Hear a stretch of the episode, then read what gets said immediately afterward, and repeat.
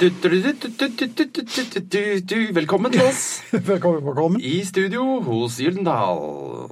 Her er vi igjen. Her er i hvert fall du og jeg. Og denne gangen det må jo være første gang i hele eh, vår podkasthistorie at vi har faktisk prøvd oss med en aldri så liten disposisjon.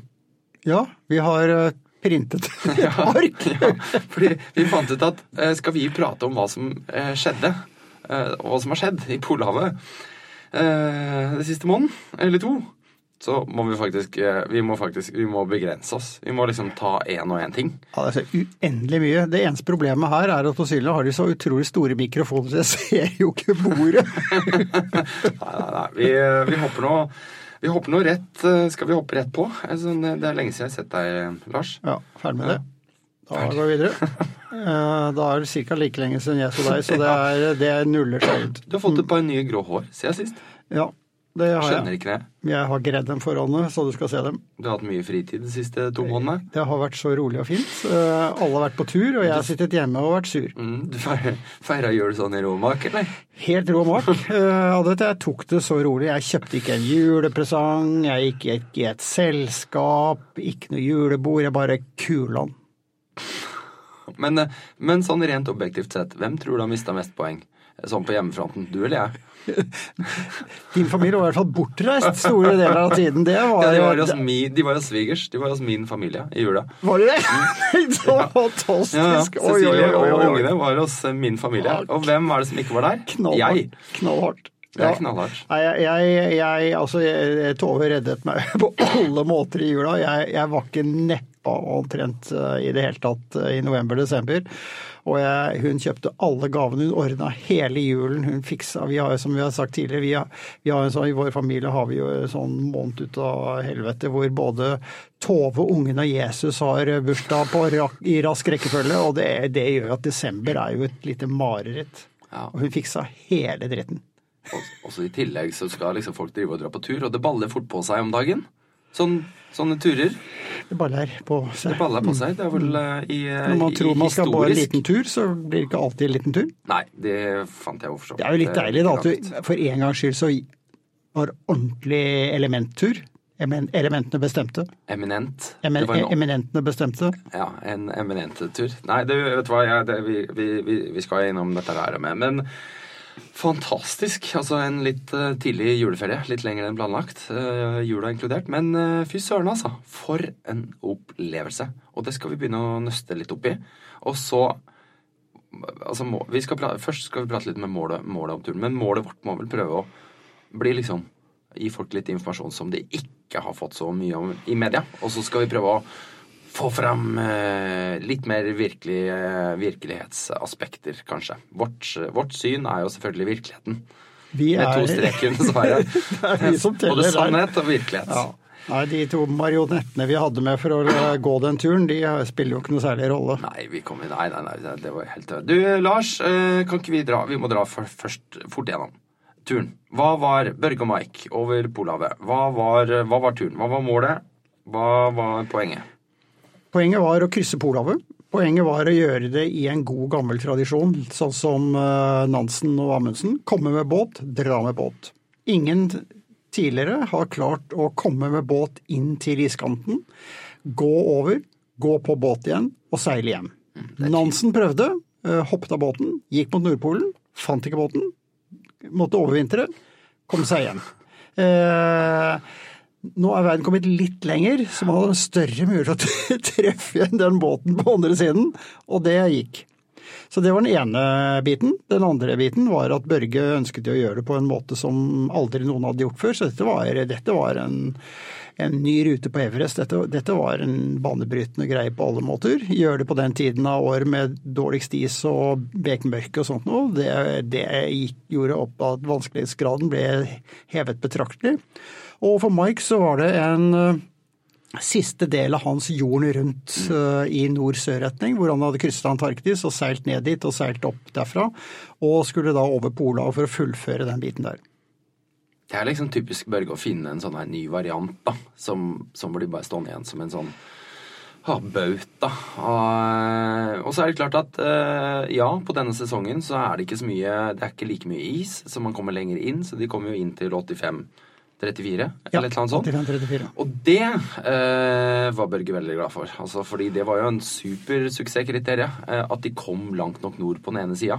Ja, det var da de seilte inn i eh, mellom Beringstredet fra Alaska og litt grann vestover eh, langs Sibir og så opp. Så så det jo lenge ut som det ikke skulle komme lenger til 86, og så fant de en ny liten eh, råk å komme innover, og så kom de til 85, og så kom de til 85-30, og så kom de til 85 og da, det, det var liksom Da falt mye av skuldrene, fordi Ja, eh, de siste 100-150 km, det hadde jo da faktisk ikke gått. Nei. Nei. Og det var fordi det, han sto jo nede og holdt på å pakke opp mer mat for oss å starte tidligere, men så gikk det akkurat gjennom. Så det, det tror jeg var fantastisk eh, lettelse, tror jeg, å komme over 85-graden. Men så, og så begynte det å gå. Men så, jeg tenker, hvor, hvor, hvor rå er denne turen? Ja, hvis vi skal sammenligne det litt med de, la oss si, de litt sånn store. Moderne, gamle, hva som helst. Hvor, hvor er det, liksom? Altså, det er klart det har blitt haussa opp, og det er skrevet masse om det. Det er litt sånn vanskelig å miste nyansene. Men mm. det er som jeg sa i podkasten til Børge, um, om at altså, nå, en sånn tur får jo Nordpolturen deres i mørket i 2006 til å bli en litt sånn oppvarmingstur. Ja, det, den, Altså- gjør, den gjør det. Også. altså hvis vi, jeg tror vi må eh, ta det litt sånn i etapper, og det er kanskje litt tidlig å, å banke den inn i historiebøkene eh, sånn i det digre perspektiv. Ja, synke litt. Men, men la oss si sånn Explorers Web, som er liksom det største Explorer-nettsiden eh, i verden. eh, De kåret jo den turen til den råeste og mest spek- spektakulære turen eh, i 2019. Og der er det enormt mye rått som er, er, gjort. eh, Og de har oversikt. Og så, Og de har oversikt. Så i det- tillegg, så er da også turen, denne turen som da ble kåra til den råeste ekspedisjonen i 2019, den er også nominert i deres rangering av eh, topp for det siste tiåret. Ja. Og det også sier jo da at det er det er ikke en hvilken som helst eh, helge- eller vinterferietur. dette Nei, og I tillegg så sier Børge at dette var den vanskeligste, hardeste og, og største utfordringen han noen gang har, eh, har vært med på. Jo, men sier han ikke det etter hver tur? Fordi han tar det jo alltid liksom litt videre. Ja, eh, han gjør det, men jeg har aldri, Jeg har hørt han ha sagt Nei, det. men jeg har aldri hørt han har sagt det før en tur, egentlig. Eh, Han, han, han har jo alltid strukket strikken lenger og gått, eh, gått lenger og brutt grenser. Men jeg tror, eh, jeg tror denne var så marginal på alle måter, og jeg tror den var så intens på alle måter, og jeg tror den var så, eh, så på grensen av hva de klarte fysisk og psykisk, at jeg tror denne faktisk var et sånn lite jordskjelv for han, rett og slett. Ja, Også i tillegg til at du, Det er ikke så lett å legge definerte rammer på turen, i og med at den går fra båt, han går over is og skal til båt. altså Det er jo veldig sånn, det, det, det fører med seg ekstra usikkerhet. Og jeg tenker nok at det, sånn som jeg litt leste Børge, så er det sant, en sånn tur det han, han, var, han var i tvil.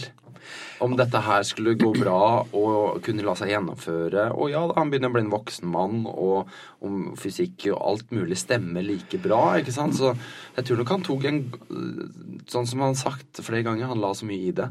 Og, og, og med det så følger det selvfølgelig litt usikkerhet. Jeg tror, jeg tror det, altså det vi, vi så jo på dem at de eh, Børge har jo på alle turer alltid hatt en optimisme, alltid hatt et overskudd, alltid hatt det. Men her var det faktisk tider hvor han ikke kommuniserte omtrent med mer enn enstavelsesord. Altså. Rett og slett. Alt var kokt ned til bare uh, gå den dagen uh, og løse motsatt. den. Helt motsatt enn deg, med, med andre ord. Helt totalt motsatt. Og, og, og han, han sa, fortalte jo også underveis på satellittelefonen at eh, han var bekymra fordi for første gang i sitt liv fikk han ikke sove på natten i lange perioder. Og det er rett og slett for du går hele dagen. Og Børge gikk på en Mike hadde fingrene sine som var frostskadet, så gikk han foran sannsynligvis nesten hele veien. Og da går du hele tiden, og hvert skritt kan være en felle. Du går i mørk med bare en liten hodelykt og, og sånt noe. Det er råker og det er skrugarder, og det er is og det er forskjellig sånt noe. Og du skal lese dette og du skal finne på skal vi gå der, høyre, venstre, skal vi, kan vi komme over her, eller bør vi trekke ned? Så det, det er, du går og problemløser hele tiden. Og det klarte han ikke stoppe med på slutten av dagen. Det har aldri skjedd Børge før. Han er eh, sov, han koser seg på tur, men her var det borte, altså. Vi må hoppe inn i alt dette andre styret. Altså ja. Oi, oi, oi. oi. oi, oi, oi. Eh, og det er, det er, der det begynner å bli altså, altså, Det har vel aldri vært i hvert fall en norsk tur som har eh, ja, eh, høsta, eller hva man skal kalle det, blitt plagd eller blitt innebefatta med så mye media og styr og skriverier som det har vært de siste månedene. Hva er liksom, hva er det som fyra dette her opp? Ja, det var jo sånn.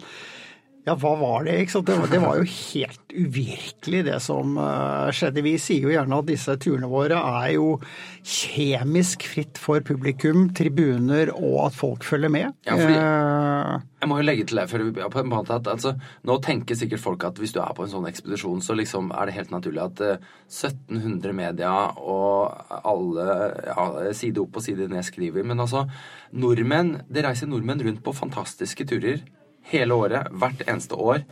Eh, hvor det skal egentlig godt gjøres at du får ja, et lite komma skrevet noe som helst sted. Altså, Folk bryr seg ikke. Det er ikke noe nyhetsverdi. Når turene går bra, og de går jo som oftest bra. Så eh, det, det her er jo helt bakvendtland. Ja, det var helt, helt utrolig. Og vi var jo ikke forberedt på det i det hele tatt. Vi er jo vant til den derre Hei, nå har Børge nådd målet sitt. Ja, ikke sant? Eh, har du lyst til å høre om det? Ja. Ja, ja, ja det gikk så fint. ikke sant? Og det er så lett historie å fortelle.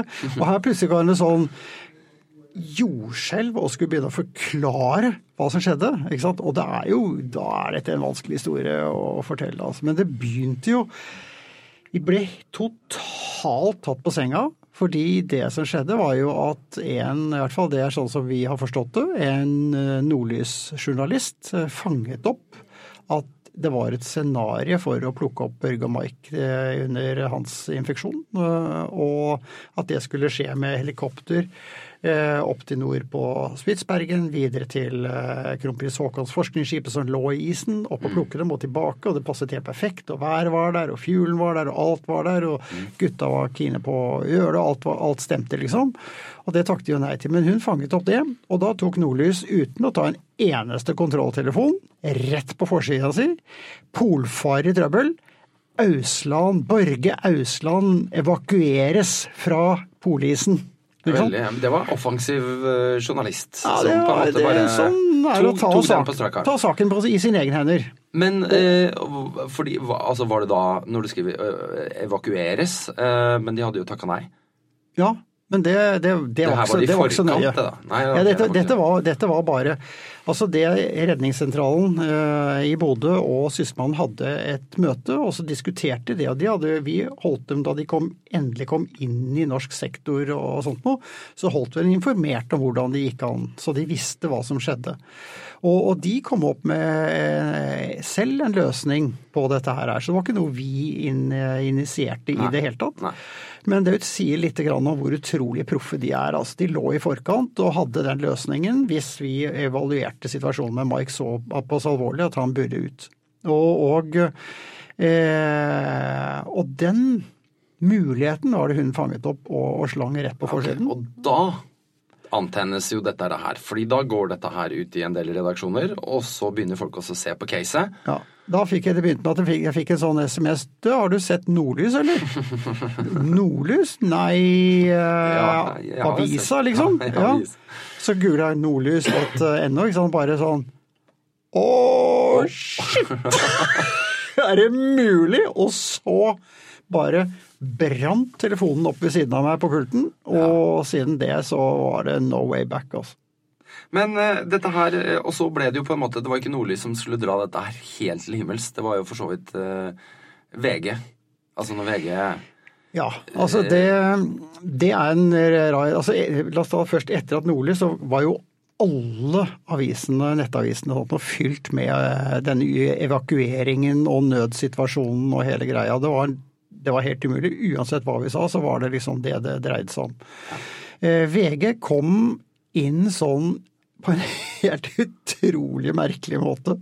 Eh, det var egentlig en god venn av Børge som heter Tore Johansen, som har jobbet som journalist i VG veldig mange år, og vært med Børge på mange turer. Som journalist og kompis. Eh, og VG har vært veldig flink til å velge ut de riktige turene å følge og sånt, så de har vært med Børge mange ganger. Og han ble spurt, han er pensjonert nå, spurte Tore du har ikke lyst til å være med Pangea, altså seilbåten opp og hente Børge, liksom sånn Mm. old time sake? Og han bare åh, det hadde vært fantastisk. Men rett før så, så var det et eller annet som kom i veien for han, så han måtte hoppe av. Men da ringte jo han til VG-redaksjonen og jeg kan ikke bli med, skal jeg prøve å få inn dere istedenfor? Og de sa bare jepp, vi sender. Og så plutselig satt vi med en fotograf og en journalist bare sånn Ja, er, Ja. Dere, er det dere som heter Tore? Og det var det.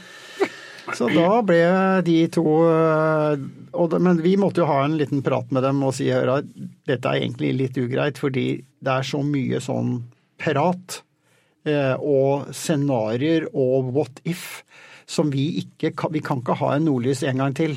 For det ødelegger hele greia for oss. Ja, Så vi må, de, eh, dere må faktisk eh, spille på lag med, med oss eh, her nå, altså. Og det, det gjorde de veldig, veldig bra. Altså. Det får bli eh, altså Så vi ikke glemmer det, så får det bli en liten da, takk til Jørgen og Oda fra VG, som trodde de skulle på en liten ukestur til Polhavet. Ja, Eh, litt luftlandsatte i begynnelsen, det var vel for så vidt alle sammen. Men eh, vi, vi hadde noen eh, greie prater, og jeg syns at de på en måte fulgte, fulgte spillereglene eh, egentlig veldig bra. Eh, vi, fikk, vi fikk ikke noe Altså det er jo sånn, du har ikke noe sensur på journalister som skriver, men det er klart at du avstemmer jo litt med hverandre hva som er greit å skrive når. Eh, og, og ofte så er man jo ikke på båten.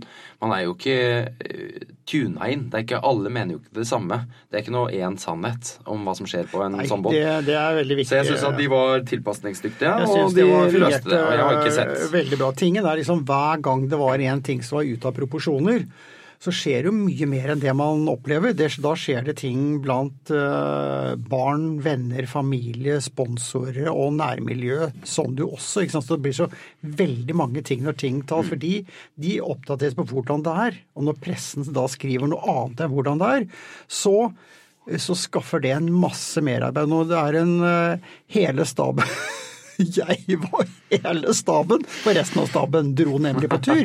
Så eh, du og Bengt forsvant, og, og, eh, og eh, alle dere var der oppe, så, så ble det tidvis uh... Jeg er ganske så glad for at jeg satt uh, uten kommunikasjonsmuligheter på den båten og var helt skjerma for hva som foregått. Men jeg fikk jo et lite sånn vink da når vi satt ute i isen i teltet. Og så ringte vi deg for å prøve å få noen nye posisjoner og jeg husker ikke hva akkurat, men det var liksom sånn herre hvor du sier Ja, nå har jeg akkurat hatt uh, BBC på tråden, og jeg skal nå er liksom inn på Og vi bare Hva er det han sier for noe? Altså, det var liksom Du bare kom med disse utenlandske mastodontene av noen media som liksom hadde ringt og fått Og vi, og vi var jo helt avskjært. Vi hadde ikke peiling. Vi skjønte at VG var med og lagde stopp, men det stansa jo ikke der. Nei, det var, det var helt uvirkelig. Det var pervers. Og det var eh, det ene og det andre. Og BBC og morgennyhetene på BBC har jo 260 milliarder høre, seere eller hører lyttere eller noe. Det er jo bare helt uh, uvirkelig. Og det sier litt grann om at dette var en tur som 260 milliarder, faktisk. Det er ganske Det er voksent. Det er, må vel være Hvor mange er vi? Eh, Nei, jeg vet ikke. Det er, det er mil, Ja. millioner på millioner. Det er i hvert fall mange ganger Norges befolkning, for det går jo verden rundt. Så det, det er en ganske heftig, heftig Du blir sånn Hvordan snakker du sånn? Ikke sant? Og, og, og det var jo hele greia prøve jeg, jeg måtte bare egentlig ikke Jeg kunne ikke ta noe krangel, jeg kunne ikke ta noe greier. Jeg måtte bare holde meg til Prøve å kjøre fakta og, og være interessant nok på det, og så, og så overleve. Men altså, med enorm mediedekning Jeg regner jo med at det var veldig sånn intenst når vi drev og skulle prøve å finne hverandre ute på isen. Og så, og så når det var over, så fortsatte jo selvfølgelig sakene fordi vi satte oss fast og ditt og da. Jeg regner med at det var da liksom Da kom det jo en del sånn kritikk Eller det, eh, Hvis jeg har forstått det riktig, så kom liksom kritikk, kritikken av den store mediedekningen. Altså hvorfor får dette så stor oppmerksomhet? Eh, hva, er det riktig?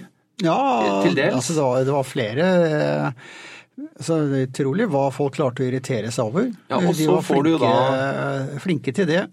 De fleste var dratt, føler jeg, ut av, ut av proporsjoner og litt sånn markeringsting og mange ting. Overrasket meg fikk så mye oppmerksomhet som, som dere fikk. Eh, I utgangspunktet så syns jeg det var relativt puslete kritikk. De kunne spurt meg om hva de skulle kritisere. Hadde de fått noe helt annet å, å rutte med enn en, en liksom at hæ? Eh, Sysselmann kan hente dem, da er det jo ikke farlig, ikke sant? Nei. og sånne ting. Så det ble liksom sånn eh, ok, så du gidder ikke se på trapeskunstnere på sirkus hvis det er en sikkerhetsnett, liksom. Uh, det ble mye rart uh, rundt det. Og det ble dratt inn på forskjellige kreative måter, og det, det gjaldt hjertesyke barn i Finnmark som måtte vente 16 timer, mens gutta måtte vente to timer på redning og sånn. Og det, det var ting som stemte og ikke stemte, og var rart og kreativt, men i utgangspunktet tror jeg vi skal bare si at helt fantastisk. Eh, Kritikk er også engasjement, og det viser seg hvor stort det var. Og alt når jeg tror man skal telle opp, så tror jeg det var en eventyrlig positiv interesse for dette her. Ja, det var jo det, det, Jeg har jo oppfatta det sånn. Altså etter jeg kom hjem, så jo folk stanser jo deg på gata og spør liksom nysgjerrige spørsmål. Helt eh, altså helt annet sånn eh, ja, allmenninteresse enn Ja. om du hadde vært på hvilken som helst annen tur. Og så er det jo utrolig artig også å se hvor mange sånne eksperter som kommer ut av mye mediedekning. Altså hvor mange sånne forstå-seg-på-ere som sitter fra sofakroken og kommenterer. Ja. Og dette her er jeg kosa meg. Jeg må si at jeg har kosa meg. Men du blir jo provosert hvor for, å Unnskyld uttrykket. Jævla idioter folk klarer faktisk å te seg. Altså, det er ikke å Men jeg pleier å si det at altså, det beste beviset for at det fins intelligent liv der ute et sted, det er at de ikke har tatt kontakt med oss. Altså, de har lest VGs kommentarfelt og tenkt at Nei, vet du hva, vi kjører videre. det her kjører vi. Det, altså, det er, det er så Altså, folk dikterer egne sannheter uten å ha det ringeste peiling på noe av denne Det, det er som om jeg skulle liksom gått inn i sånn herre Sumatras innenrikspolitiske stridigheter om hvordan en guvernør i et nordvestlig fylke skal oppte seg. Altså, det er like fjernt. Og så skal jeg lese to linjer, og så skal jeg gjøre meg opp en bastant svart-hvitt-mening om hvorvidt dette her er tullball! Oi, ja. Oi. Nå skal, kan vi lukke igjen døra? Jeg Jeg tror tror, kanskje eh, vi gjør det. Hvis du skal være såpass utagerende. Nei da, men eh, jeg kjente at det, det, er, det er helt ufattelig, altså. Eh, når folk tror vi- kritiserer, og så kan du si Jeg må få lov til å si det der at det, ikke sant? Å, ja, bruker, vi bruker skattepenger for å vi skal fly helikopter eh, opp for å hente de. Ok, la meg bare få lov til å si, eh, for det første eh, Nå endte jo ikke opp at de brukte At det var noen av de som ble evakuert med helikopter. Men altså, det helikopteret, eller de helikoptrene hos Sysselmannen på Svalbard, de flyr rundt hele tida, de. Og når de ikke har noe oppdrag, så flyr de sightseeing, fordi de flyr trening. De skal knuse disse her timene i lufta. Så det er liksom ikke noe forskjell. Men det er der folk, folk catcher ikke sånn at det er Altså, Sysselmannen flyr rundt om i øyriket med julegaver og julehilsener. I hvert fall gjorde de det før, ikke sant? Bare for å være hyggelig. De flyr over en lav sko! Overalt! Faen meg. Ja. Ja.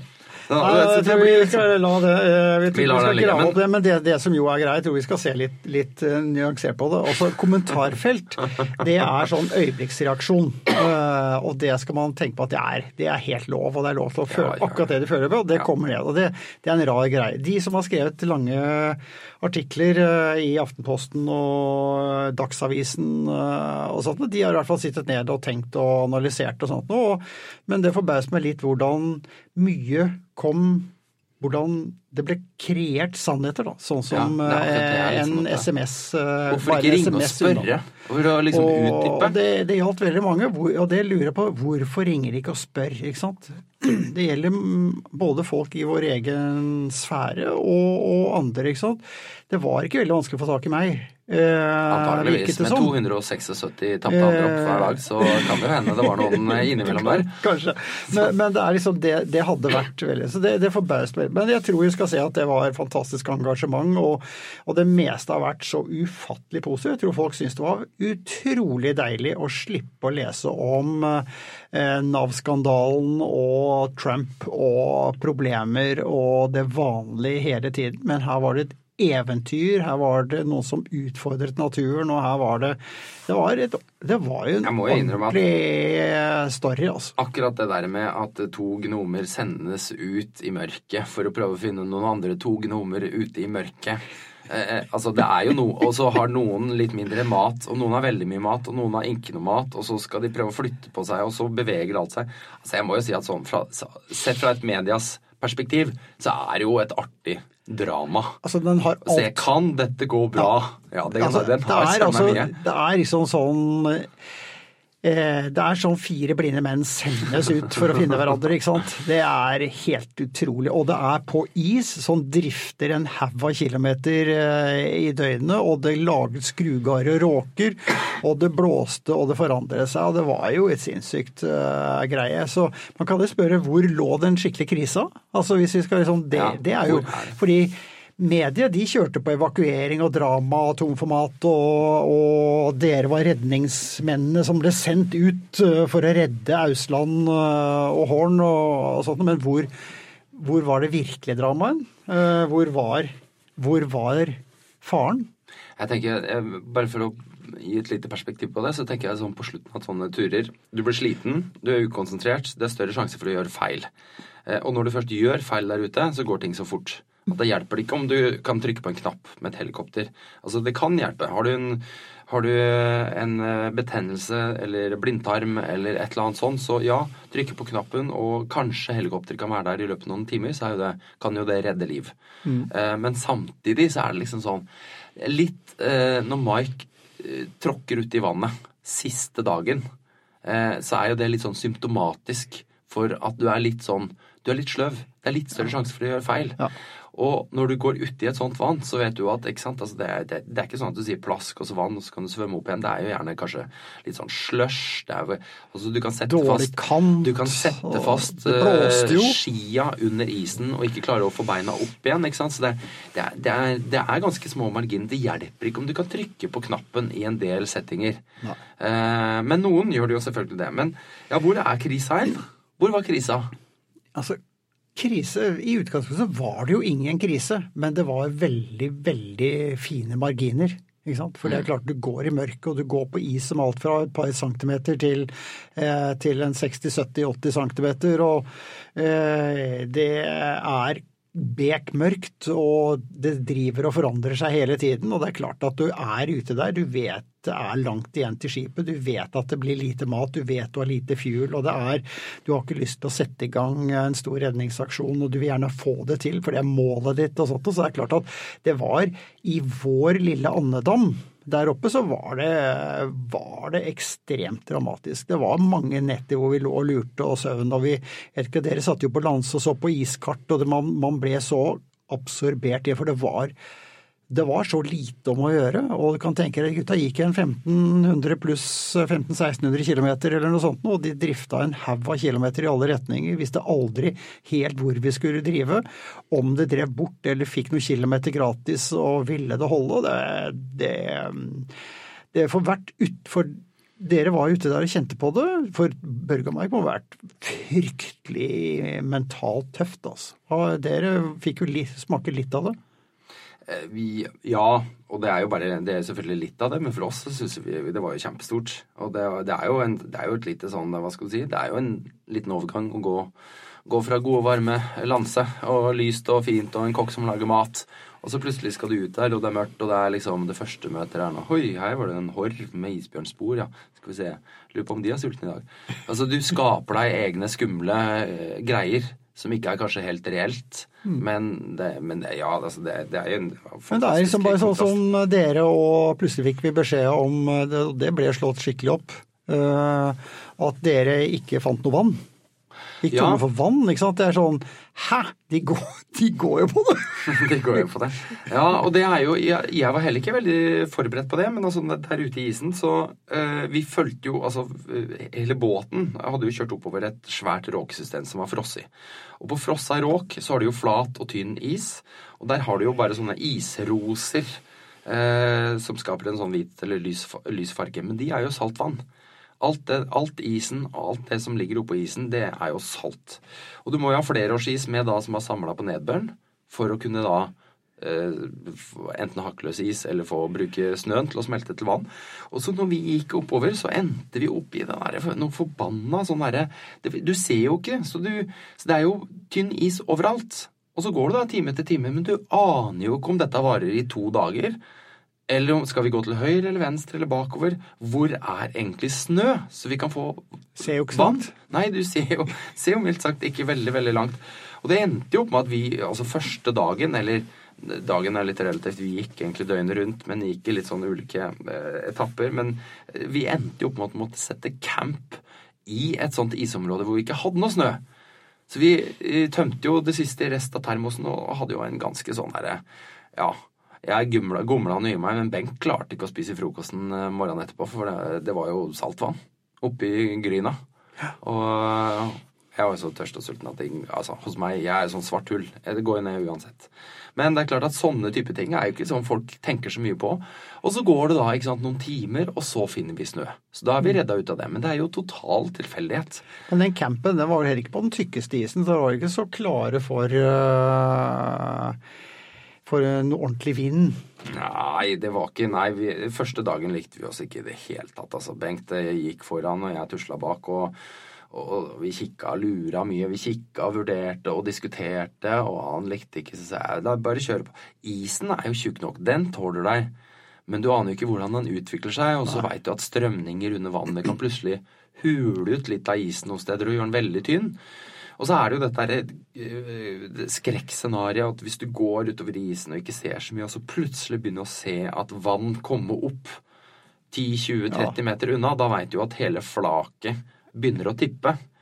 Og når du da begynner å helle og skli utfor det, da Ja. Det er jo liksom Det, er- det, er, det, er, sånne worst og worst cases. Men sånn er det jo hele tiden. Ja, og, det, du, klart, og, og når, du er, når du er nyfiken, altså du er utpå der, og det er første døgn eller andre døgn, ikke sant, så er du litt sånn skvetten.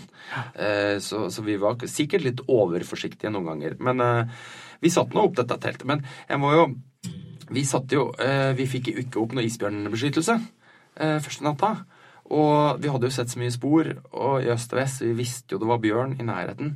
Men vi, hva kunne vi gjøre, da? Vi, vi satt der og måtte ta kvelden da, uten å, uten å uten noe bluss rundt teltet. Og jeg lå jo ned og var jo ganske sånn der Ja, huff, det får gå som det går. Men jeg håper jo at dette går greit. Og jeg sikkert bare innbiller meg mye ting. Midt på natta så våkner jeg i et nanosekund av at det bare er noe som slår nedover teltet. Og det er liksom ikke det er, Jeg ser, skjønner umiddelbart det er ikke vinden. Det er ikke noe, tre, som er ikke noe tre heller. Nei, det er ikke noe tre. Det er ikke noe tre, eller hva kan det være? Men det er da bare noe som bare liksom dunker inn hele teltsida. Og jeg er jo oppe på null komma niks. Bare Bengt! Bengt! Bengt! Bengt! Det er Bjørn! Bjørn! Bjørn! Og jeg så var helt der ute, og Bengt våkner jo ganske raskt. Og så blir det helt stille, da, og vi hører jo ikke noe mer. Og jeg lurer på hva i all verden er det? Så viser det seg at det har begynt å blåse opp, og at det er Packcraften til Bengt som er blåst fra den ene sida av pulken over pulken, Altså gummibåten. ja, gummibåten, og slått ned over hodesida på, på teltet. Så, så han ga jo oss nærmest en ørefik, ikke sant. Det, det er ikke den situasjonen jeg hadde sett for meg, at det, akkurat den skulle komme. Det var helt elektrisk. Jeg hadde jo så adrenalin. Jeg fikk jo ikke sove på lenge. vet du. Det helt, eh, så det sier jo litt om at du er du har et høyt spenningsnivå, du er litt sånn ekstra skvetten i begynnelsen der ute. Nei, det, altså, det, det var jo nok av farer og muligheter der oppe. Både isbjørn og lite mat og lite fuel og betennelser og brytende kroppen og råker og skrugarer og tynnis og tykkis og mangel på snø det kunne smelte. Det er, liksom, det er ikke, det, og i og med at det er også bekmørkt, og det sier litt om at det er jo ikke grenser for hvor mange usikkerheter er det. Så det er jo liksom den, den biten som, uh, som, er der. Men, kan, jeg, kan, jeg, fortelle en historie? Ja, gjør det. Ja, ok. Uh, du, uh, det, det, altså dette her er jo når vi begynner å nærme oss den råka. og vi, det er jo ikke så lett å se om du går utpå om det du Ofte så krysser du over, ikke sant. Du tar litt sånn spagat over et lite åpent felt, og så er du inne på litt sånn ny, ny is. Og så er det litt spennende, er dette noe som Er dette fastland, eller er det en øy av is? Og og for å være, hvis det er en øy, så er det jo greit å vite hvor du kom innpå der, eh, den øya. Eh, så du holder liksom sånn returmuligheten åpen hvis du ikke kommer nå. Så gikk vi ut på en øy, eh, men så viste det seg at vi fortsatte, og så gikk vi ut på liksom noe som var en øy til øya, og den var ganske liten. Og det skjønte vi ganske raskt.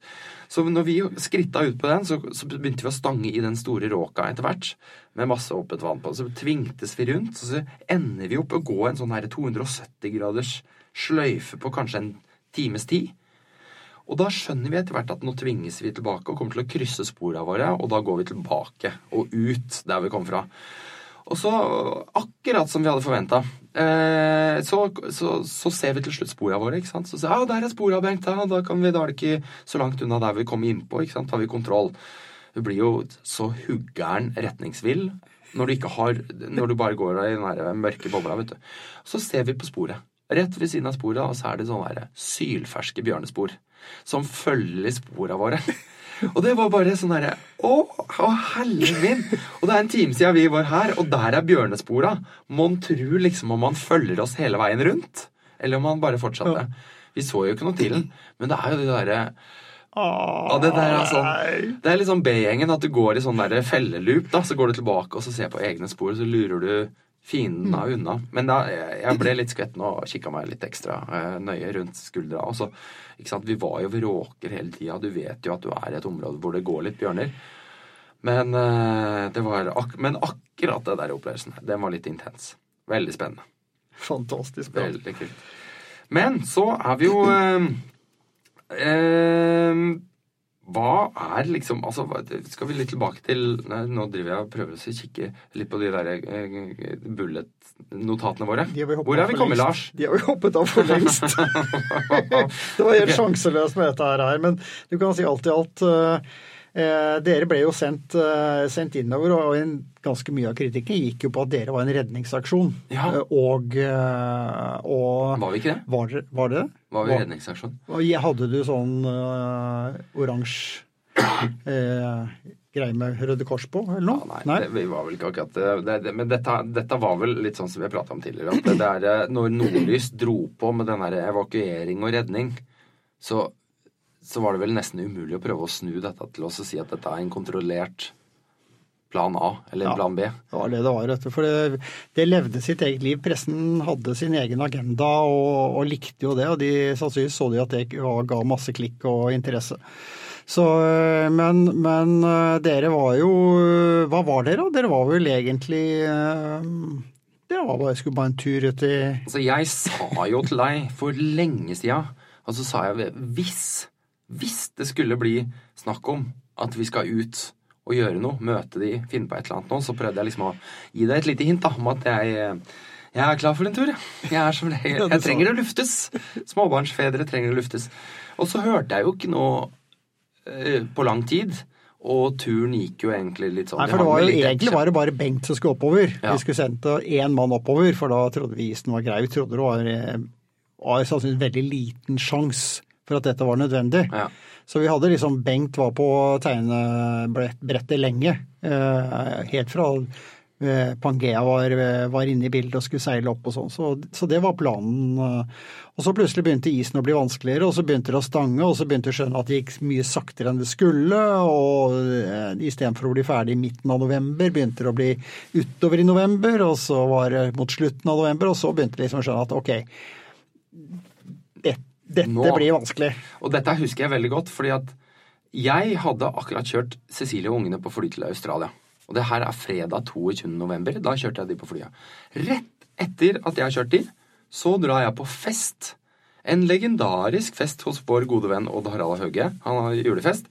Eh, og det var så hyggelig at jeg ble sittende oppe og kom meg aldri verken opp eller Jo, jeg kom meg opp, men jeg kom meg ikke ut eller hjem. Eller jeg tror vi satt der til 50 eller noe sånt. Jeg, var Jeg så tror du vant. Jeg tror du vant. ja, jeg var i hvert fall i finalen. Jeg Ja.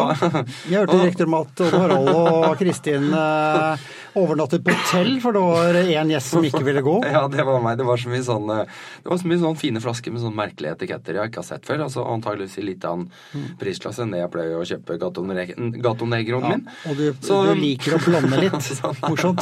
Nei, men det, var, det er ikke ofte jeg på en måte sånn der bare blir hengende på sånn, Men det var så hyggelig. Poenget var Ja, De festene ble- er jo legendariske, da, for det er så mye morsomme mennesker. at Det er jo ikke bare morsomt brennevin, det er morsomme mennesker. Jeg sa ikke noe om brennevin. Nei, ø, vin, mener jeg. Ja, ja, ja det, det var det meste der, altså. Men poenget er at det dit jeg skulle fram, da, og det ble så seint. Og når jeg kom meg omsider liksom tilbake, og så våkna jeg opp langt utpå lørdagen neste dag, selvfølgelig, og så ser jeg liksom, kaster jeg blikk på mobilen min, og der er det jo en melding fra Bengt. Nei, hvor han skriver- Ja, det, ja, ja, det er fra deg, men det er fra Bengt òg. Jeg visste hvor du var. Ja, og så, så, og så sier han og så liksom, er du, klar for, er du klar for å dra til Polhavet? Og jeg fikk helt sånn derre Å, fy faen. Og så samtidig så var jeg så passe klein ikke sant, etter dagen etterpå, så jeg bare «Åh», Jeg svarte liksom ja og greier, men så jeg bare Å, kan vi, kan vi være snill vente et par timer? For jeg, kan jeg bare slappe av litt først? Og så var jeg helt Men dette her var jo midt på lørdagen. Og søndag starta forhandlingen med Lanse. Altså Da ble, gikk hele det toget. Og mandag så kjørte jeg rundt som en gal for å skaffe alt fra satellittelefoner og backcrafter og utstyr og brennere og, og lykter og alt mulig. Og på tirsdag morgen så satte jeg på flyet til Longyearbyen. Mm. Så det var jo liksom fra lørdag til tirsdag. At det var ganske Jeg følte at jeg hadde sånn bra responstid. Ja, nei, vi, vi satt og googla på, på fredag, så var det sånn Faen, vi trenger en polfarer til. Skal vi se hvem er det? Har vi noen, eh, noen eh, familieløse polfarere i passe god form eh, som har vært der oppe på Lanse og uh, gått i isen og helst har krøllete hår, uh, som ikke trenger så mye lue? Oi, Alexander har akkurat kjørt. Han er lenge siden Ja. han har vært oppi der. Nei, det, var, det, var, jo det, rett og slett historikken rundt det. Eh, Du kjente Børge, du har vært på tur med Børge der oppe før, du har vært på Lanse, du har sett hva det dreier seg om. Og, Så jeg har alltid hatt en drøm om å være på tur med Bengt. Også, Så det var egentlig ja. helt fantastisk. Og, og så hadde du sparket meg i leggen i ca. to måneder, eh, så jeg tenkte at eh, da er jeg kvitt den skaden hvis du blir der oppe. Da er du kvitt meg, tenkte du. Ja, det tenkte jeg også. Fordi jeg også tenkte at våre kjære lyttere da kunne få hvile litt. For det var jo så kjempesuksess da vi lot dem hvile to måneder i sommer. Ja, ikke sant? Så hvorfor ikke bare ta Så hvorfor en ikke gi, vinterferie? gi dem en juleferie på en måned også? Ja, ja, ja. Eller to. Nei, men det var eh, Altså, vi kan ikke ta alt det, men det altså, da kom vi jo til Longyearbyen, og det var mye planlegging. Og, og så på fredagen den uka så var vi jo eh, på vei med Lanse på vei oppover isen. Og det er jo et langt kapittel å dra, men i korte trekk skal, skal, du, skal du spørre nå? Hvordan hadde dere på Lanse? Nei, hvorfor brukte du så lang tid oppe i isen? For jeg fader. Jo, men nei, det lurte jeg egentlig litt på, jeg også. fordi at vi hadde, vi starta intensiv planlegging. Vi fikk ned iskart. Knut Espen er jo guru på dette her. Bengt har lest mye iskart.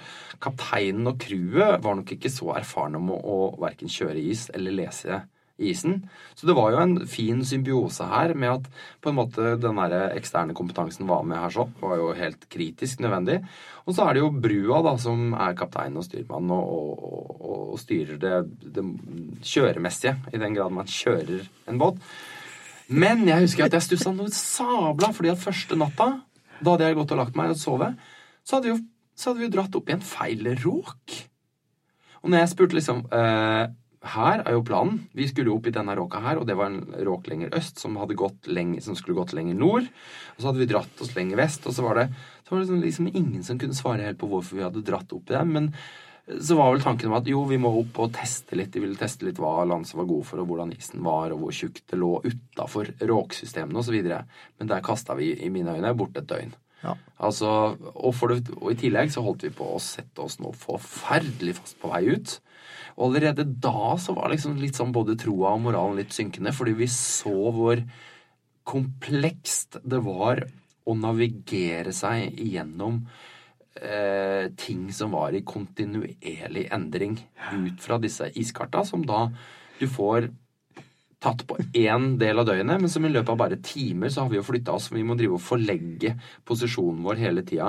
Så det er liksom ganske Det er mye analysearbeid av spesielt Ja. Knut Espen, altså, som gjorde en fantastisk jobb. Ja, men få med altså Knut Espen Solberg, for de som ikke kjenner han. Han er, han er konge på dette her, på sikkerhet og is og nordområder og alt. eh. Ja, det var ikke tilfeldig satt sammen det laget som vi satte på lanse, da. Men du kan si sånn at jeg har jo filma mye, og dette her skal jeg jo slippe eh, etter hvert. da, Men poenget er at jeg- filmer jo allerede på vei ut av første råk at på en måte kapteinen og folk på brua er oppriktig bekymra over mann, eller mannsk, båt og mannskap. At nå må vi liksom vi må, holde, vi må besinne oss litt, liksom. Og da var vi jo på 81 et eller annet, og vi Ja. skulle helst opp på Ikke sant? Høyt. Mye, mye høyere. Par grader til. Et par grader til, så vi var jo veldig skeptiske. Ja, det var jævla ekkelt å sitte hjemme også og investerte der, og så satte dere fast og kjørte feil, og vi skjønte ikke hvor dere var, og så ble det stille, og der det var Det var uh... Litt vei, ja, altså opp i ny råk, eh, rundt og opp og litt vei i vellinga. Satte oss eh, fast på ny. Uh, Mista vel litt troa. Det var komplikasjoner med Børge. Jeg tenker nok at han også var litt sånn ganske utilfreds med at det så ut til at vi kjørte oss bare mer og mer fast. De var jo stressa, ikke sant? for de så liksom hvordan matrasjonene svant, og hvordan fuelen svant, og ikke minst fuel. Eh, Så de begynte å rasjonere ganske fort. Jeg så at Lanse Kåla, så var det måter over på å rasjonere og prøve å tenke litt mer langsiktig. Sånn. Og og så er som Børge sier, han følte at han var ett døgn etter hele tiden. Altså Det var liksom akkurat et par døgnene som manglet. Og så er det klart at eh, de gutta der har nok tid å sitte og beregne. eh, ikke sant? Så, så husker jo at Børge sa at eh, vi må komme oss til 82,20. Og vi hadde jo egentlig en råk som skulle gi oss rom for mulighet til å kanskje gå opp til 82,30. Vi visste ikke hvordan isen var. Og så blir vi stående og stange og stange, og stange, og så, er vi jo, så ender vi vel oppe på 82,13. Og det og akkurat i det derre eh, sirkuset, kaoset, eh, som oppstår når vi på en måte ikke egentlig kommer lenger, så er jo kronprins Haakon i nærheten. Begynner å si at de kan være med å bistå. Hvis det, ikke sant. Så blir det sånn her, skal vi kommunisere det til Børge? Han får litt betenkningstid. Og så ringer vi Børge, og da, akkurat da så kjente jeg på at fy fader, å nei, nå er det ikke sikkert det blir noen tur på isen allikevel. Så egoistisk var jeg, da. Jeg var jo så klar for å øh, komme meg ut på tur. Det hadde ikke vært krise om ikke om de, Det beste hadde jo selvfølgelig vært om de kunne komme traskende og hei og hå, komme inn på båten. Men meg, putt meg på en sånn båt. Og det er jo, altså, ikke sant, uten noen mulighet til å løpe noe sted. Nei, det var helt forferdelig. Så jeg bare jeg jubla jo når Bengt så på meg og sier at øh, Når Bengt prata med Børge på telefonen, så sier, jeg, så sier til slutt Bengt Ok, men da seler vi på og gjør klar, og så er vi ute og går i løpet av ettermiddagen. Og jeg bare Yes! Vi skal ut! Det var helt fantastisk. Og jeg hadde gleda meg allerede. Oi, Så det var du som egentlig ødela hele den fine planen med kronprins Haakon. Nei, det var, det var nok ikke det. altså. Jeg prøvde å holde meg. Men, men jeg var utrolig glad for at Børge nok en gang turte å stole på egen teft. Stole på at dette her fremdeles kunne gå.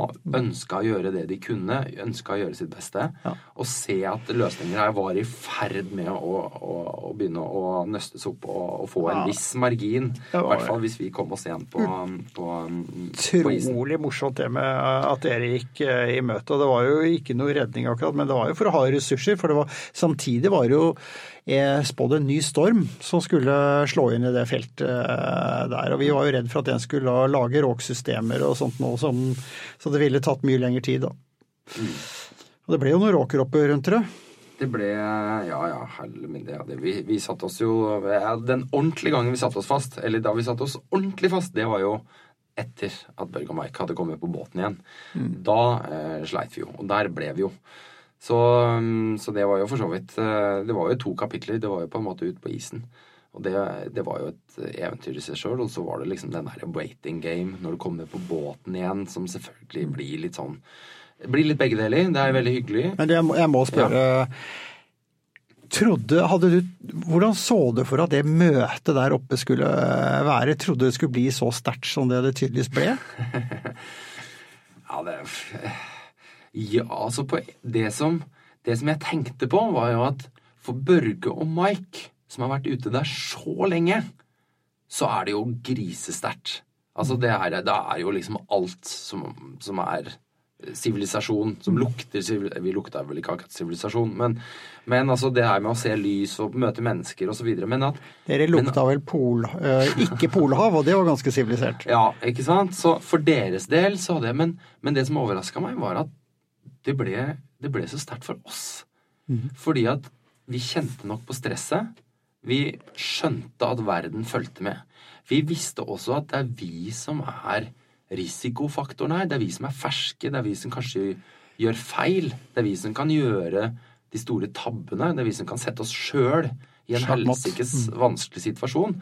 Og vi var ikke sant, Vi hadde jo Vi var ikke varme i trøya. Det var liksom det derre vi, vi, hadde brutt alle ekspedisjonsreglene. Vi hadde hivd oss av gårde ut i de mest komplekse forholda som går an. Så vi, jeg, jeg, tror nok vi hadde litt sånn underliggende stress som gjorde, som var med å bygge opp den der spenninga ganske raskt. Og, og vi, vi, sov litt over det, vi plutselig ble kasta ut i det. Og så ender vi opp med dette her, ikke sant? den råka imellom. Det er jo helt det, det er som om du skulle skrive et manus til en spillefilm i Polhavet. Så putter du inn en sånn råk. Sånn at ja. teama klarer ikke å møtes. Det er en råk, og den blir større og større. Så det var, sånn her, det, var så, det var, så, høydepunkter og så kontraster. Det var så jubel når vi så lysa, når vi visste vi var i nærheten, når vi så at de hadde gått en knall etappe. Når vi tenkte i dag skal vi treffe de, ikke sant? Og så nei. Og så går vi oss uti noe sånn møkkaterreng. Så du går med hjertet litt sånn i halsen og tenker ja, fy faen, jeg skulle ikke ha sagt ja til det her, eller Det er vann på 270 grader rundt deg. Og du føler deg ikke tilpass, da. Og så tenker du igjen ikke sant, åh, nei, nå er det, det Tenk at det kan, kan det være vi som fucker det opp. Så det er utrolig sånn rask spenningsoppbygging. Og så ender vi da opp, etter at Mike har gått i vannet, etter at de har fått varma opp han igjen, så får vi go, og så gjør vi et siste forsøk. Og det er at ok, folkens, nå starter vi samtidig, følger råka østover, håper at det er en connection et eller annet sted. Og begynner å gå, om ikke så veldig lenge, så ser vi at, ser vi at råka vår begynner å skråne innover. Og da begynner jeg å hyle. ikke sant? Det er sånn der, ja, det kan gå. Og så ser vi vi lysa til Børge og Mike begynner å komme nærmere. De går rett fram, men vi, vi begynner å skråne mot de. Og så er det liksom sånn der, å, Bengt! Bengt! Og jeg, han går foran, og jeg hyler. Det her, det her kan gå! Det kan gå, liksom! Se, de kommer nærmere! Og så, Men så begynner det å balle på seg igjen, da. Så liksom må vi over og balansere litt, og det er noe flak som er frossa til. og liksom, Skal vi gå over her? Ja, ok, litt sånn her spenning. Og så blir det nærmere og nærmere. Så er det liksom bare fy faen, og, så, og akkurat idet vi tror at det skal bare Det er en connection! Så er det jo ikke det. Men det er 20 meter med litt sånn frossen. 2 centimeter, én centimeter, som de kan pigge. Altså sitte i backraften og pigge seg over. Og det er klart, da er det, og da har det blåst opp. Det er eh, ja, 6, 7, 28 minus. Vi har den her eh, stive brisen rett i fleisen. Det er bikkjekaldt. Og vi eh, må da stå der og vente. Og det, ting går ganske radig, men når de kommer over da, ikke sant, at det er det spesielt. Det var spesielt. Altså, det, jeg, hadde jo, jeg hadde jo klumpen i halsen eh, så mange ganger. Når vi så lyset, når vi prata om det. Og jeg så Bengt var akkurat det samme. Jeg tok den sjøl. Jeg tok den flere ganger Jeg sitte og så at øya hans ble liksom Satt og bare tenk, forestilte oss dette øyeblikket. Når Børge kommer over, så er han en sånn her type allmektig gud, liksom. Han er en stor mann i utgangspunktet, men så er han liksom sånn strekker ut armene, og så sier han liksom Kom her, gutter. Og vi bare klemma. Vi kom inn i armene hans. Og det var bare Vi par knakk sammen uh, umiddelbart, ja, alle sammen. Altså. Vakkert, altså. Det var, det var, bare Alt bare løste seg ut der og da. Spenninga slapp Jeg husker bak. da du, du, skrev jo tilbake, jeg ringte meg jo da det kom irritert etterpå og sånn. Bare, Fy faen, det var, jeg, var, jeg, Der sto jo bare og grein, men jeg har det på film! Ja. Ikke sant? Jeg har det på film! Ja, og så Og så sa jeg rett til Jessica, og datteren hans, vet du, så jeg bare jeg sa at nå har de truffet hverandre, vet du. Og det var jo enda sjukere, ikke sant, fordi da, da eh, jeg fikk den beskjeden om at dere hadde truffet ham, var bare en sånn der eh, SMS fra, fra Inreachen, vet du. Fordi da var det kaldt. Eh, eh, alt ok, møttes, eller noe, bare ett sånn ord, sant, møttes, og da står jeg rett og skal inn i TV 2-nyhetene, og, bare, og de bare sånn, ja, ja, er du her igjen, ja, ja, ja, men uh, har du noe nytt denne gangen nå, eller? Uh, og faen, skal, jeg, skal, jeg, skal jeg dra den her nå, eller skal jeg ikke? Liksom. Men alle var jo første spørsmål sånn Klarer de å møtes, eller? Er liksom alle var jo på det. De, ringte fra overalt. Klarer, klarer de å møtes? Ikke sant? Og så kunne jeg bare si bare uh, ja, idet jeg gikk inn her, uh, så kom det inn på telefonen at de møttes for et øyeblikk siden. Ikke sant? Så bare å, fy søren. Og så dette er helt fantastisk. Og med oss direkte fra Longyearbyen har vi Jessica Datter dattera til eh, Mike, ut, og hun fikk jo den midt i trynet. Jessica, hører du hva Lars sier? De traff hverandre nå! Og hun visste ikke om det, da? Hun ante ikke om det, hun bare Æsj! Og bare Å nei, og nå er jeg så Dette er så sterkt, og bla, bla, ikke sant. Og så gikk jeg ut av bordet. Det var jo at hun var der, og så tok det ikke mer enn noen sekunder, bare Lars, don't ever do this again! Oi, oi, oi. I want to know beforehand. This was so painful! Ikke sant? Ja, men det er ekte, da. Og så, og så sa hun bare ja, men eh, jeg kan si deg, nå snakket med Alexander, han fikk filmet det, og de sto og grein på side. Daddy! Did he cry? No. Yes? Did he film it? Oh, I'd love to see I've never seen my dad cry! Oh, såpass, ja. Så det var jo sånn. Nei, det var, det, var jo, det var jo spesielt. Og jeg har jo, jeg har jo det på film, og det er sikkert eh, noen som hører på dette her, som har sett det eller kommer til å se det. Altså. Men, eh, men, men uh, hva, hva, skal jeg si? Altså, det er liksom et godt eksempel på hvor Altså, jeg har sett på det der, jeg har klippa det sammen, jeg har sett på det sikkert 50 ganger nå. Og jeg klarer ikke å se på det uten å grine. Fantastisk. Det er, ja, det er så... helt det er jo, altså, sånn Det er så det er så sterkt. Mm. Det, der, det der, fordi det er jo følelsen. Det er jo ikke det jeg ser, men jeg kjenner jo på den følelsen jeg hadde ja. der og da. Og det var liksom bare Det var redninga, og det, det, var, det var en magi over å på en måte Det var trygghet, mm. og det var en milepæl. Og det var liksom den forløselsen av alle problemer som ikke så ut til å ta noen ende.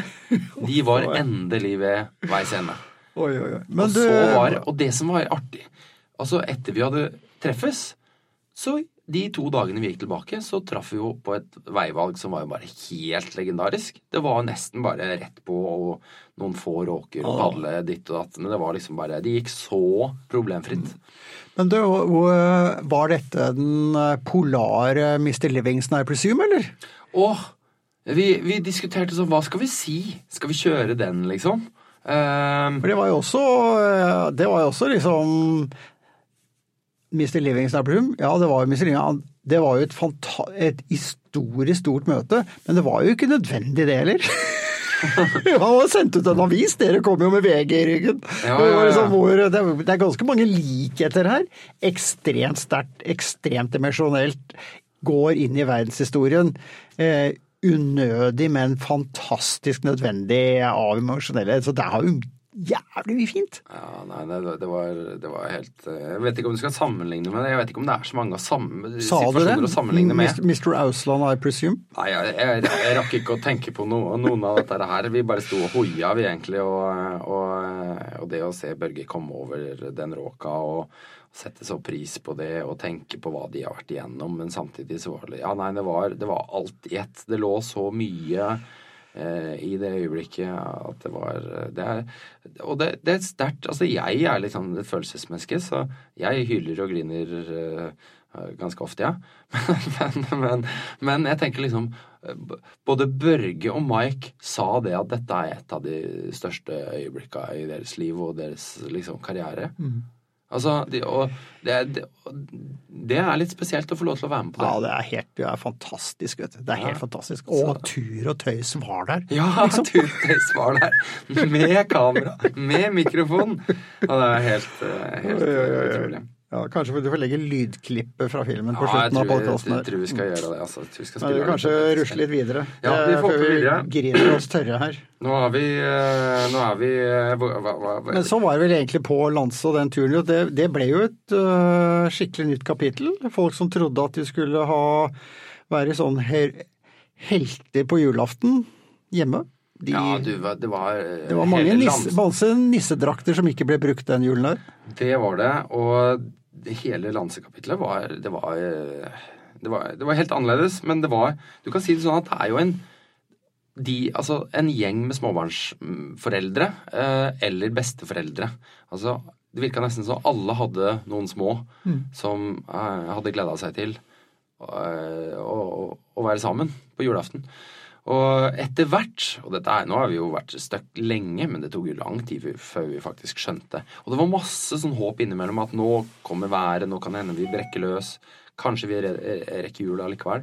Så gjorde vi jo ikke det, vet du. Men eh, det er jo Virkelig ikke. ekspedisjonsverdenens tommelfingerregel nummer én, da. Du kan ikke la humøret bli spist opp av ting du ikke får gjort noe med. Og det der å prøve å skru om nøtta og gjøre det beste ut av det, og det gjorde vi jo virkelig med at eh, med Martin Skrove eh, i, i tet, så var det ut på isen, og, og vi Ja, vi iverksatte jo liksom turnuslister, og alle skulle ut og, og sage is, og til slutt Vi gikk jo til slutt da for å prøve å sage ut hele båten, og det her er jo omtrent som å balansere sand i Sahara. Altså, det er jo et ufattelig tålmodighetsarbeid. Isen der var liksom to meter tjukk, og vi hadde håndsag. En finsk håndsag som vi drev liksom nedi vannet og Nei, det var, det var Men poenget er at så lenge vi kom oss ut og fikk gjort dette fysiske arbeidet, så holdt vi oss liksom i gang. Vi hadde en mål med hverdagen. Vi hadde litt framdrift. Vi hadde et håp om at vi kunne hjelpe oss sjøl ut. Ehm, vi fikk fysisk arbeid, vi fikk frisk luft, liksom. Så du ser jo, altså jeg, vil, jeg vil nesten se at det, det de som var ute og liksom jobba hardt på isen, de var også de som kanskje trivdes best eller klarte seg Holdt psyken best.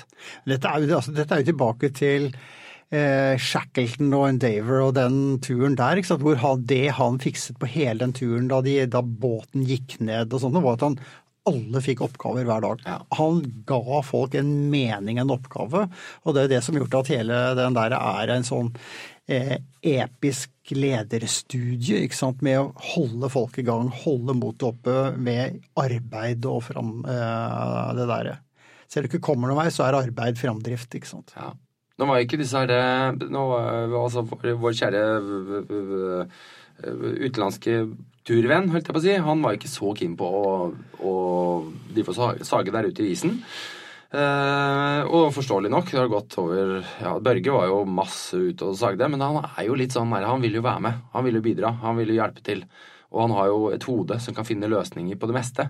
Så han var jo, tok jo over, eh, og sammen med Martin var liksom en av pådriverne med å finne løsninger på hvordan vi kunne komme løs.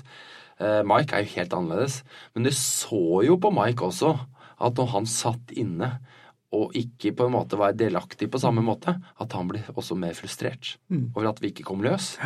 Ikke sant? Så det er veldig bra poeng det der med at du må liksom, du må sysselsette folk, og du må holde det i gang. Ja, Og, er så og, og så mye miks og saus som Det. Men ja. isen var, isjobbinga var det én ting, men eh, det var det var, eh, det, var eh, det som Det var sosiale, liksom det, det, det var jo en kul gjeng. Det var en Altså, veldig kul gjeng. Jeg må jo føle da jeg sendte Martin og Knut Espen og Bengt og deg oppover, så var jeg liksom Jeg var liksom Hvordan skal du toppe det, altså? Det, Så sabla mye moro. Så mye latter og så mye historier og så mye kaffeslarveri. Og når har du tid til dette her ellers? Nei. Aldri! Så det er liksom sånn, Skal en møtes, så er det jo over en kaffe Nei, nå skal jeg hente unger, eller nå skal du ferdig Og så er jo, tok jo han derre Jørgen fra VG tok jo noen eventyrlige bilder òg, vet du. Så det kom jo noen de vakreste bilder tilbake til virkeligheten på det. Og det er liksom Det er nesten Husker de derre Engelskmennene var jo veldig flinke til å ta med fotografer på de store ekspedisjonene. Altså Shackleton og, og Scott tok med fotografer. Og de, de klassiske bildene fra Shackletons tur eh, er jo sånn som er gudeforklart i dette, og nå følte jeg litt det samme kom tilbake med det han leverte og sto på trykk, og folk så dette her, og det, ble en, det, det skapte jo en medmagi vet, for folk som satt hjemme. Vi som satt der hjemme, var jo det helt, helt jeg utrolig. Jeg fikk sånn, jeg fikk ikke sjokk, men jeg så det der bildet av oss i Stampen, så du det? Altså, for vi satt med sjampisen i Stampen. Så tenkte jeg, nå slutter i hvert fall folk å synes synd på oss der ute på Landset, når vi da sitter med champagne ute i stamp og har isbada og med, Det var vet du hva, det var kjempekult. Eh, for jeg tenkte sånn her, Vi drev nå ute og hogde den der råka vår, og den var jo etter hvert en sånn perfekt svømmekanal. Som vi måtte jo prøve. Så jeg sa liksom Dette var lille julaften. Eh, så liksom kom jeg forbi Børge og sa Børge, er du med, skal vi ta en, ut, tar en utfordring, liksom? Han sa eh, ja, ja. Og han var litt usikker. Så bare ja, finn badebuksa, så stikker vi ut og tar en dukkert.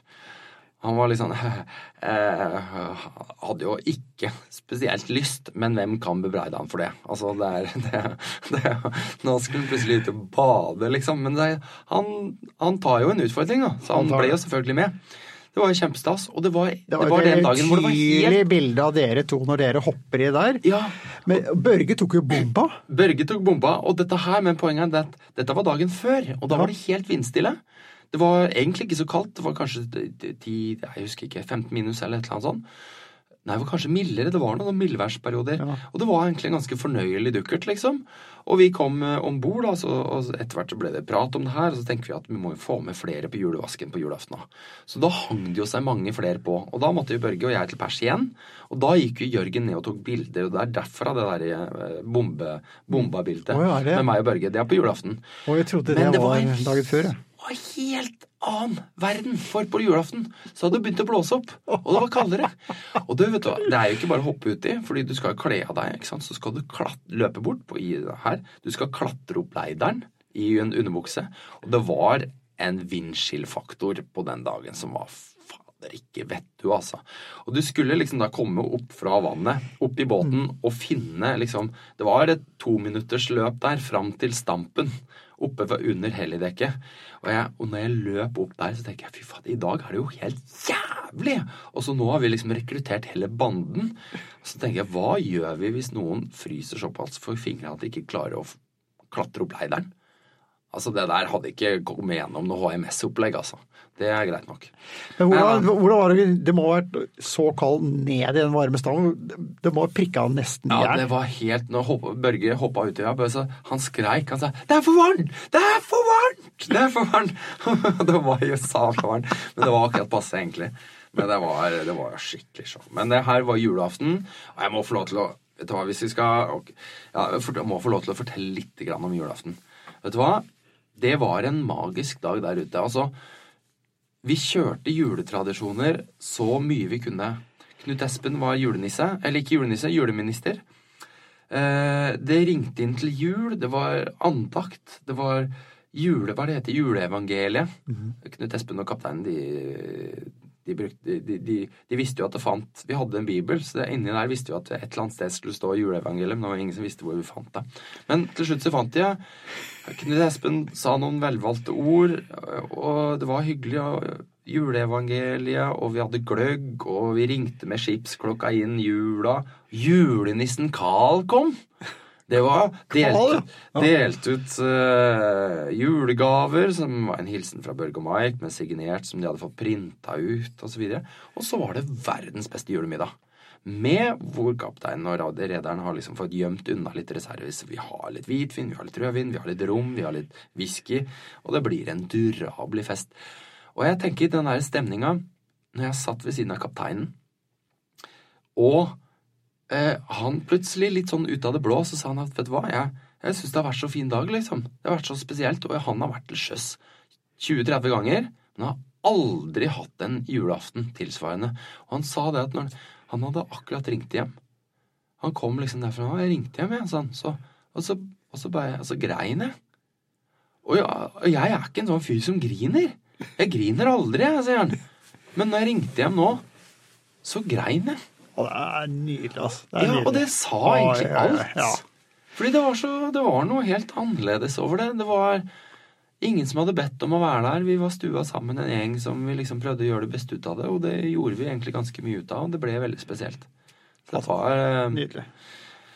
Veldig Det er fantastisk å få med seg det. og jeg, jeg, jeg tror jo det skapte dere. Altså Du kan si at nå syns ingen synd på dere lenger eh, da dere satt i badestampen. Jeg tror bare det addet altså, tingen er at De som ville kritisere, de fikk selvfølgelig sitt. Men jeg tror omtrent alle andre, de hylte av lykke da de så det, og skjønte den utagerende greia, og satte det inn i den helheten. Fordi maken til respons som vi fikk eh, på det dere gjorde, og det, den livsgleden ved å være borte og, og sånt noe, det, det var helt vilt, altså. Og jeg tror nok eh, de fleste kommer til å huske den jula ganske godt. Ja, altså. Og så var det en annen ting som var litt spesielt, og det er jo Det var liksom tilbake, 20 år tilbake i tid. Altså, du kunne sitte og prate med folk i timevis over bordet, og det var ikke en mobil å se. Og ingen som ringte. Mm. Ingen ingen mobil. som tasta. Ingen stress, ikke noe sånn vanlig jul. Ingen du, nå begynner kirken om eh, 20 minutter. Fort deg, fort deg! Hvor, hvor, skal vi parkere? Liksom? Jeg finner ikke sløyfa mi. Hvor, sånn, kan vi, sånn, rett tilbake. Skal vi ta småkakene nå, tar vi det etterpå når barna har gaver? liksom. Og julenissen kommer. Vi må forte oss. Liksom. Hvem er det? Det er Johan som er julenissen. Ja, julenissen. er til og med kokk, ikke sant? Vår fantastiske kokk Daniel lagde jo bare den nydelige nydelig mat. Ribbe og pølse Jeg tror vi hadde is til dessert nesten hver dag, for det var visst 90 liter is som sto på det fryserommet. Genialt. Så hadde vi litt sånn, eh, vi hadde litt sånn selkjøtt og så videre innimellom, men, eh, men i det store og hele så hadde vi jo nok. Vi hadde jo nok med mat, og vi hadde veldig god mat, og han skapte mirakler av den maten vi hadde. Nei, hva sier du, Lars? Uh, skal vi lukke dette kapitlet for denne gang? Ja, og jeg, tror, uh, jeg tror vi skal gjøre det. Jeg syns vi har fått en uh, bra, bra oppsummering. oppsummering. Og um, vi kommer jo med Vi, vi har jo noen podkaster fra Lanse som kommer framover. Så nå får bare Alexander komme seg hjem og så få, få eh, klargjort ting, og så lagt det ut. Og så er det masse sånn der som høyner nerdefaktoren til nye høyder med Børge og på Lanse. Men det kommer. Du, eh, god jul da, Lars. Jo, riktig god Ja, jul. godt og godt nyttår. eh, Eller god, god januar. God januar. Og så gleder vi oss til 29. Vi gleder oss til Tror du vi får ut denne før 29. Jeg lover. Jeg vedder en kalkun. Jeg er veldig glad i kalkun. Ja, ok. Da skal han ut. Jeg skal forte meg. Ha det fint da, Lars. Ha det.